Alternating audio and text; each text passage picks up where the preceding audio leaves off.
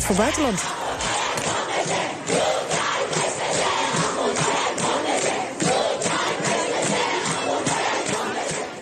Een verbale middelvinger naar het Iraanse regime door scholieren in Iran.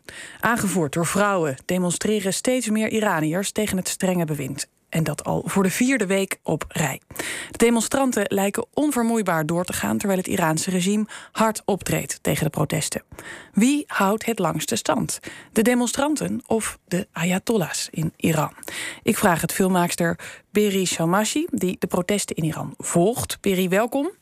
Goedemiddag. Twee weken geleden spraken we elkaar ook over de Iraanse protesten. Jij volgt het nog steeds van heel dichtbij.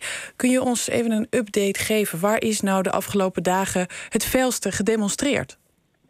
Er is op heel veel plekken tegelijk gedemonstreerd de afgelopen dagen. Met als uh, piek, zou ik willen zeggen, in Teheran en in de Koerdische regio.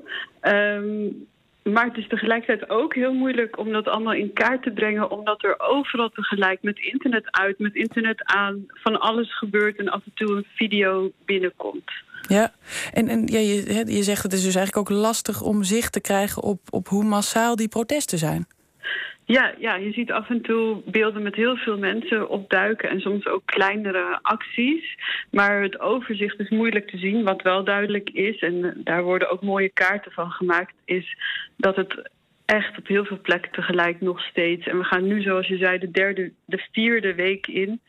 En het is nog steeds uh, overal aan de hand de demonstraties. Hmm, maar goed, als de verbindingen dus zo lastig zijn onderling, hoe, hoe organiseren mensen zich? Wat hoor je daarover? Uh, ik hoor inderdaad dat het soms moeilijk is om ook van binnenuit overzicht te krijgen wat er aan de hand is. Soms ook in eigen stad. En hoe ze zich onderling organiseren, ja, dat kan ik vanaf hier natuurlijk moeilijk zeggen. Hmm. Uh, maar uh, je ziet wel duidelijk een lijn in dat er soms op afgesproken dagen alle winkels op slot gaan, bijvoorbeeld, ook als protest. En andere dagen dat het wat rustiger is. En dan plots weer in meerdere steden tegelijk s'avonds de mensen op straat ja. te vinden zijn. En nou, jij hebt natuurlijk, hè, ondanks die lastige verbindingen, toch nog steeds veel contact in Iran, spreekt met mensen daar. Wat valt jou op in die gesprekken, als je het algemeen moet zeggen? In, het algemeen zie ik duidelijk dat. Ik, en ik spreek eigenlijk alleen nog maar activisten, journalisten, filmmakers en andere mensen die hebben besloten om uitgesproken te zijn. En dus bijvoorbeeld niet familie, dat is gevaarlijk.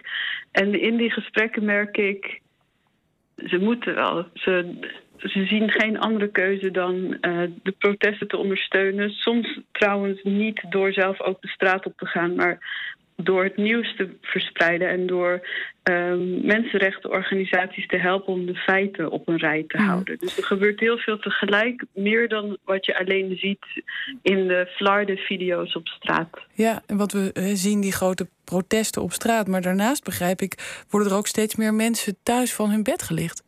Precies. Er is eigenlijk een stille campagne gelijktijdig aan de gang met wat we zien qua hardhandigheid in de beelden van de video's op straat.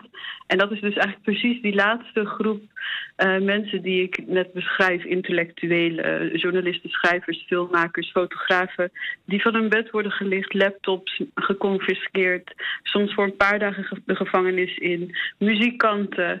Um, en soms voor onbepaalde tijd. Uh, de overheid heeft ook aangekondigd om daar hardhandiger in te zijn en een proces af te wachten. Hmm. Maar goed, als het om, om de houding van de overheid gaat, op sociale media komen beelden langs van protesterende schoolmeisjes bijvoorbeeld. We hoorden ze net. Wat zegt dat? Ik bedoel, zij jouwen de president uit als hij langskomt op de universiteit. Kennelijk zijn ze niet zo onder de indruk van die repressie. Dat zijn hele sterke signalen en dat betekent ook dat de angst voor het regime, ondanks de slachtoffers, gebroken is. We hebben op het internet allemaal beelden voorbij zien komen van scholieren, van tieners, van tienermeisjes die uh, op portretten van uh, Ayatollah stampen, de posters van de muren scheuren, de portretten uit hun schoolboeken verbranden. En dat betekent dat in die generatie in ieder geval echt iets is geknapt, wat ook niet meer terug te draaien is. Hmm, maar goed, het is natuurlijk. Uh, de prijs is hoog. Volgens mensenrechtenorganisaties zouden er zeker 185 mensen zijn omgekomen, waarvan 19 minderjarigen sinds het begin van de protesten. Er wordt hard opgetreden. Jij zegt, uh, het lijkt alsof er iets geknakt is um, in de houding van de demonstranten, alsof ze niet meer bang zijn.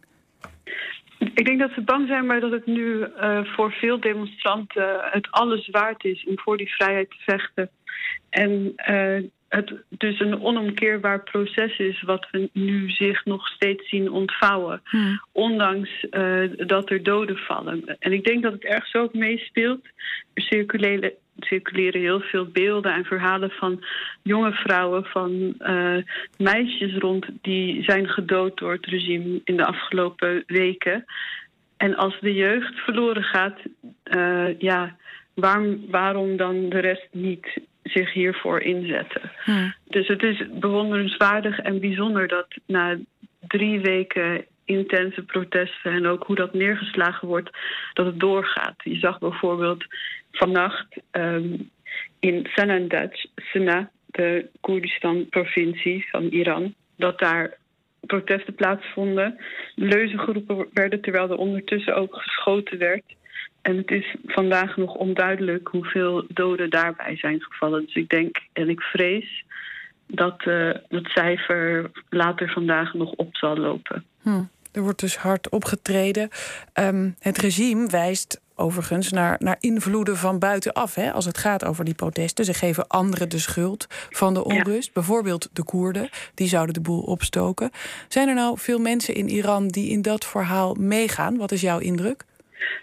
De verhoudingen onderling in Iran zijn te ingewikkeld om nu in dit gesprek uh, toe te lichten. Maar wat een duidelijke lijn is van het regime is de oppositiebewegingen. En dat zijn de zichtbare, zijn met name de Koerdische oppositiebewegingen.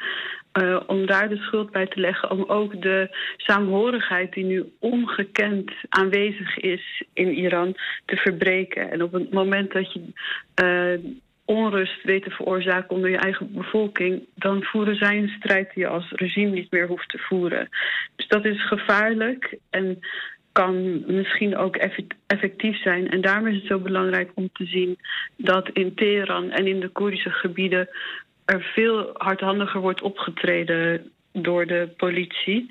Om ook te zien, hé, hey, dat is een signaal van waar, waar het meeste vuur zit, zou ik willen zeggen. Ja. En daarom is het ook belangrijk om te zien het zijn allemaal mensen van binnenuit. Er is geen hand van wie dan ook. Niet van Amerika, niet van Israël, niet van uh, bewegingen in ballingschap. Het zijn echt de mensen zelf binnen Iran die nu de straat op gaan. Ja, en al het andere is alleen om onrust te veroorzaken. Maar Beri, als je zegt het regime kan, kan eigenlijk niet meer naar andere wijze, doet dat nog wel. Um, hoe denk jij ook door de mensen die jij spreekt dat deze protesten zich gaan ontwikkelen? Ik bedoel, is er zicht op concessies vanuit de overheid of vrezen de mensen die jij spreekt dat er vooral nog harder gaat worden ingegrepen? Ik denk dat, dat bijna niemand gelooft in concessies vanuit de overheid. Want dat betekent dat waar zij voor staan, uh, en dat is uh, handelen naar hun interpretatie van de islam en dat als leidraad gebruiken om een land mee te leiden, dat ze dat moeten loslaten. En daarmee moet je breken met het systeem wat er nu is. Dus daar, daar geloven mensen niet in. Niet de mensen die ik spreek in ieder geval. Kan niet voor 80 miljoen mensen spreken. Um, dus er zal meer moeten gebeuren.